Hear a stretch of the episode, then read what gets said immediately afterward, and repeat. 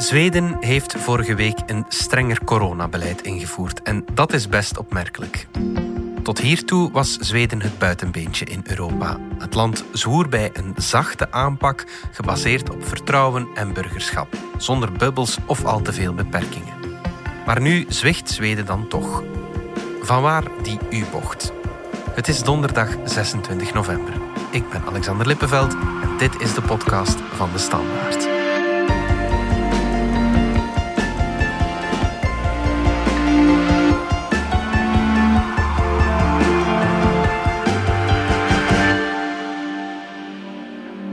Corrie Hanke van onze buitenlandredactie. Jij volgt de Zweedse situatie. Wat is er vorige week allemaal veranderd? De toon is veranderd. Dat is heel belangrijk. Waar vroeger het hoofd of het gezicht van het gezondheidsagentschap eigenlijk altijd sussende taal sprak en de mensen geruststelde. Sinds vorige week is de premier op televisie gekomen. Ja. Vier keer in een week, dat is eh, heel veel. Dat is heel veel, ja. Det är november, det här är en av årets mörkaste månader och det här mörkret kommer att bli värre ett, tag framöver här nu. Eh, och tyvärr så ser det ut som. Dat was premier Stefan Löfven. November is een van de donkerste maanden, zegt hij, en het zal alleen maar donkerder worden. Ehm, hij trekt aan de alarmbel. Ja. Dus het is gedaan met sussende woorden. Hij zegt, het gaat slecht met het land, we gaan bergaf. Het wordt tijd dat we een tandje bijsteken, want anders loopt Ja. het fout af. En hoe wil hij dat doen? Wat zijn er, zijn er concrete maatregelen die, die genomen worden in Zweden? Ja, als, als Zweedse premier zit hij heel moeilijk omdat hij relatief weinig bevoegdheid heeft. Aan de ene kant zit hij in het keurslijf van het gezondheidsagentschap. Zij bepalen het beleid. Dat is in Zweden als er een crisis is, als er een groot probleem is, dan is de logica dat specialisten het beleid overnemen, omdat je dat niet aan politici kunt overlaten. Ja. Dus hij moet volgen wat de wetenschappers zeggen aan de ene kant.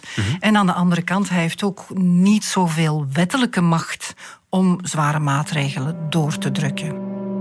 De premier is toch in theorie de machtigste man van het land. Je zegt dat hij niet zoveel wettelijke macht heeft. Geef daar eens een concreet voorbeeld van.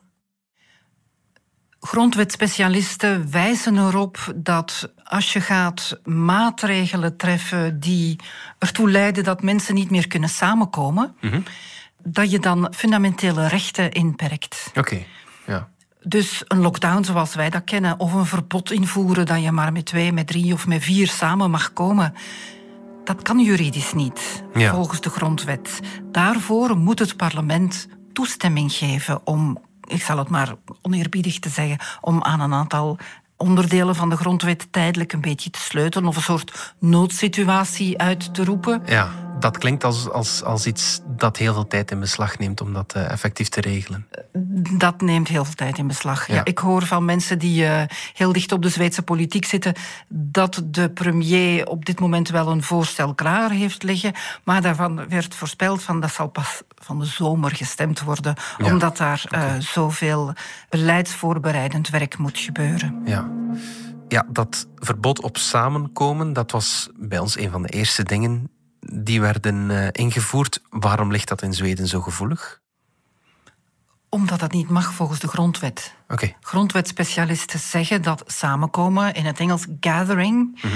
ehm, dat dat een fundamenteel recht is, dat eigenlijk alleen ingeperkt kan worden als er oorlog in het land is. oké. En een pandemie is blijkbaar volgens de Zweedse logica is, eh, niet te vergelijken met oorlog. Mhm.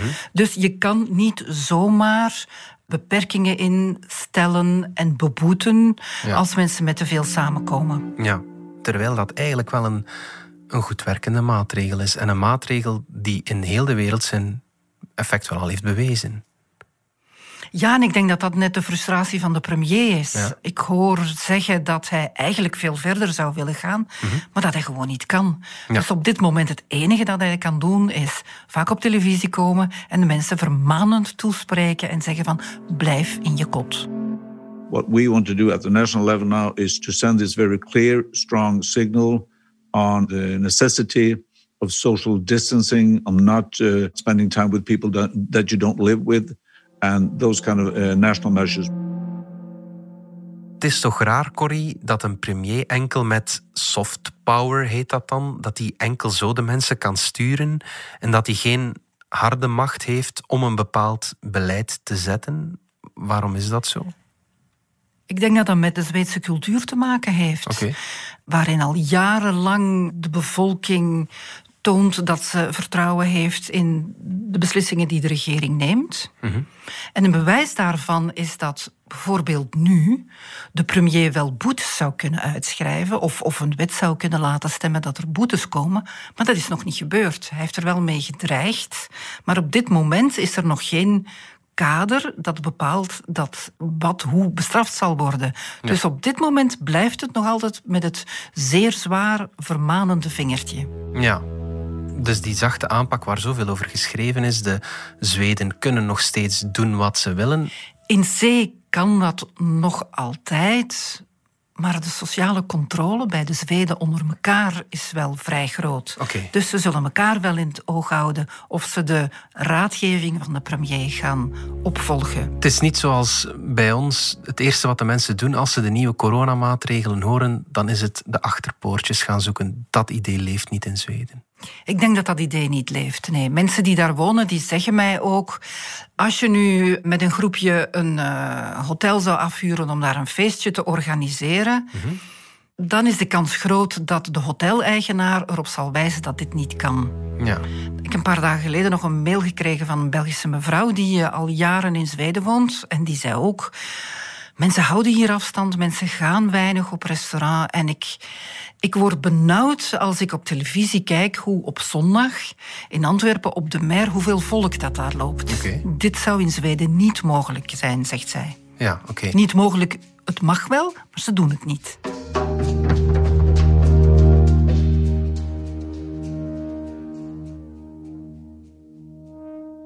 In Zweden zijn er ondertussen 6500 sterfgevallen ongeveer. Uh, in buurlanden Noorwegen en Finland nog geen 400. Leeft er een bepaald gevoel van we hadden dit toch beter moeten aanpakken? Ik weet niet of dat gevoel bij de bevolking leeft. Het is mhm. wel zo dat de premier dat gevoel heeft. Want het geweer is onmiskenbaar van schouder veranderd. Ja. Dus men heeft wel het gevoel dat het beleid aan het falen was of aan het falen is en dat het tijd is om bij te sturen.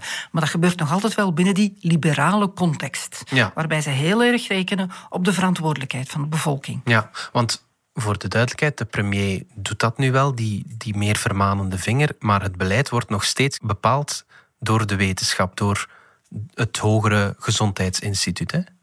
Het agentschap, het gezondheidsagentschap, zo staat het in de wet, bepaalt nog altijd het beleid. Wat wel is, hoor ik, dat achter de schermen mhm. het beleid van Technel wel wordt aangevallen. Technel, dat, dat is het gezicht daarvan. Ja, dat is Anders Technel, dat is, dat is de epidemioloog mhm. die de lijnen uitzet en die... Uh, niet dagelijks, maar heel vaak op televisie komt uh, om de, de stand van zaken toe te lichten. We are still waiting. It's a, it's a bit too early to say something about if the disease spread has changed or not. Uh, what we do know uh, from local reports is that it has changed behavior of people. Er was al de hele tijd deze zomer ook kritiek van wetenschappers op zijn beleid. Ja, dit zei wetenschapper Cecilia Soderberg over het beleid van Technel dit voorjaar. There are uh, decisions taken in the right direction, and we're happy for that. But I'm still very worried that this is not enough. So, in a couple of weeks' time, we will have a problematic situation in healthcare within Stockholm area. Tot voor kort werd die kritiek niet gehoord. Die begint luider te klinken. We should act according to what we learn from other countries. And we only see that it's extreme measurements that are need to be taken uh, before you can get control over this virus. The earlier you do, uh, the earlier you react, the earlier you get good effects. En ik hoor dat binnenskamers in de buurt van Teknel ook wetenschappers zijn die zeggen het wordt tijd dat we de koers een beetje bijsturen. En dat is dan natuurlijk voor de premier een ideale kans om, aangezien er dan ja. bij de specialisten bedenkingen zijn en aangezien hij zich vragen stelt of Zweden wel goed bezig is, is dat nu de moment om het geweer van schouders te veranderen. Wat was het beleid van die anders Technel dan? Technel ging ervan uit dat een zware lockdown, nog even los van de juridische en de wettelijke problemen daarbij, maar dat een zware lockdown serieuze gevolgen zou hebben voor de mentale gezondheid van de mensen. Ja. Hij verwees dan naar landen waar veel huiselijk geweld ineens voorkomt. Mhm. En zijn idee was dat landen zoals wij, van het moment dat we uit een zware lockdown zouden gaan, mhm. dat dan ineens alle remmen los zouden gaan. Ja. En dat het virus dan onmiddellijk heel erg terug zou gaan rondzwerven in, in de samenleving. Hij dacht, als we van in de beginnen appel doen op het verantwoordelijkheidsgevoel van de mhm. mensen, dan hebben ze zich een nieuwe manier van leven eigen gemaakt. En dan gaan ze gewoon verder kunnen gaan. Terwijl bij die andere landen is de bevolking tijdelijk opgesloten geweest en dan ineens konden ze weer allemaal gaan feesten. Ja. Hij dacht, dat gaan wij niet doen. Wij gaan gewoon rustig, gestaag afstand blijven houden. I would say there are two main pillars. Uh, one pillar is about getting people to stay home as soon as they're sick. The other pillar is to protect the elderly. On top of that, we have a number of other things going on. And we, we tell people to work at home when they can. We give special rules to restaurants, how they're supposed to run the services. We have been involved in how the ski lifts are supposed to be operating. So we do a lot of small things in a number of different areas. But there are two main pillars, I would say. Het nieuwe normaal installeren eigenlijk. Dat wou hij. En hij flirte toch geregeld ook met uitspraken.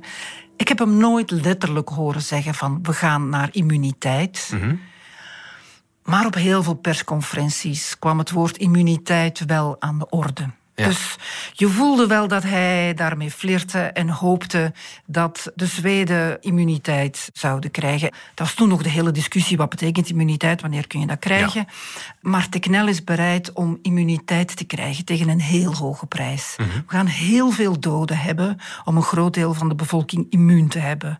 Willen we die prijs betalen? En dan waren mensen die zeiden, dat is typisch Zweeds. Ja, die prijs willen we betalen. Okay, Anderen zeiden, helemaal niet. Mhm.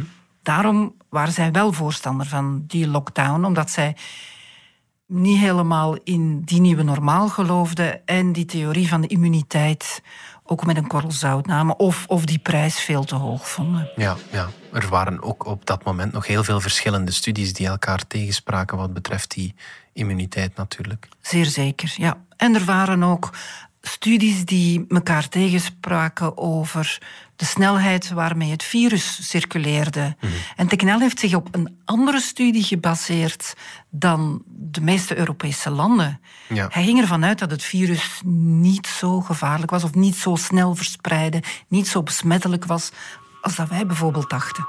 And what do you expect the curve to look like from this day forward? Uh, we I believe it's going to stay on this high level for at least another couple of weeks, and then we hope we're going to get a downturn after that. And is there any sign of a lockdown coming in Sweden just yet? Not, no, not at this stage. Dat zei Teknel in april nog, maar nu is het geweer van schouder veranderd. Ja, omdat de aanpak niet blijkt te werken. Mm. De knel die uh, een van zijn zinnen was geregeld. Kom maar eens terug in de herfst. Je zal zien dat ik gelijk heb. Ja. We zijn nu in de herfst en de cijfers voor Zweden zijn bijzonder pijnlijk. Ja. het land heeft dubbel zoveel inwoners als zijn buurlanden. Mhm. Terwijl zowel het aantal doden als het aantal besmettingen is een veelvoud van de buurlanden.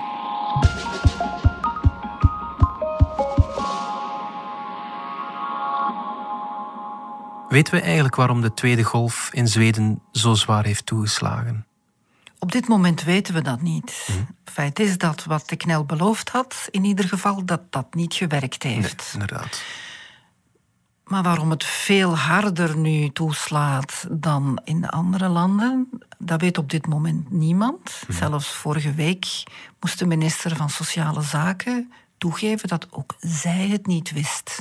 ja. Waarom het virus op dit moment zo rondwaart mhm. in haar land. Bij ons zou er dan om het ontslag van Technel geroepen worden, omdat het zo fout is gegaan. Klinkt die roep om dat ontslag ook in Zweden? Helemaal niet. Nee. nee. Tenzij bij een aantal specialisten natuurlijk die niet begrijpen waarom de overheid sowieso met die man uh, zo lang alleen met die man in zee is gegaan. Ziet hij zijn aanpak zelf nu als een fout en heeft hij zich daarvoor geëxcuseerd bij de, bij de Zweedse bevolking? Ik denk niet dat hij dat nodig vindt, want hij vindt nog altijd niet dat hij fout bezig is. Ja. Uiteindelijk, zijn standpunt is ook, en ik snap dat ook wel, de prijzen worden aan de meet uitgereikt. En we zitten nog volop in de marathon. Dus we weten nog altijd niet welk land het het beste gedaan heeft. Mhm. En ik denk dat dat voor hem zo wat op dit moment nog zijn, zijn verre horizon is. En hij blijft stoïcijns kalm. I think that we have, or I hope that we have landed in, in a good compromise uh, between the negative and positive aspects you would have. Bijvoorbeeld een paar dagen geleden zei hij...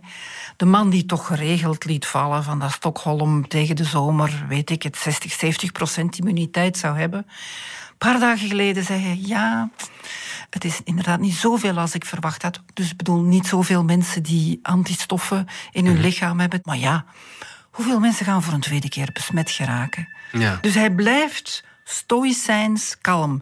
Ik weet niet of die thuis binnenskamers tegen zijn spiegel niet zit te roepen dat hij fout bezig is. Mhm. Maar in ieder geval, publiekelijk merk je daar niks van. Hij doet alsof het kleine koerswijzigingen zijn. Zo een beetje bijsturen. Zo. Ja. Ik blijf het toch opvallend vinden dat daar niet meer kritiek op komt, terwijl de cijfers er wel naar zijn. In de buurlanden is het aantal besmettingen en het aantal doden maar ja, een fractie van de situatie in Zweden. Past het dan ook niet in die Zweedse mentaliteit, dat Zweedse burgerschap, om dat ook in vraag te stellen? Nee, dat past niet in dat beleid, omdat we in crisis zitten. Oké. En iemand zei me, als het crisis is, dan gaan alle neuzen in dezelfde richting. Mhm. Dus ook de politieke oppositie heeft zich tot voor kort heel rustig gehouden. Zo, ja. Het is niet het moment om nu het beleid aan te vallen. Dat staat haaks op wat je bij ons hoort. Als ja. uh, ochtends iets wordt beslist, wordt s'avonds al gekrakeeld over het feit dat het een foute beslissing is. Dat gebeurt daar niet. Mhm. Misschien dat daar binnen kamers wel wordt over gesproken, maar voorlopig is het, we zitten samen in de boot en we gaan met z'n allen dezelfde richting uit. Ja, en zolang je samen in die boot en in die oorlog tegen dat virus zit, kan je best niet met elkaar beginnen vechten. Nee, ja. dat klopt. En dan kun je, zoals de premier nu doet, binnen de mogelijkheden die hij heeft, mm. zoveel mogelijk proberen bij te sturen dat het land toch de goede richting uitgaat. Ja, Korianke, dankjewel. Altijd welkom. Dit was de podcast van De Standaard. Bedankt voor het luisteren. Wil je reageren? Dat kan via podcast.standaard.be. Alle credits vind je op standaard.be-podcast. Morgen zijn we opnieuw.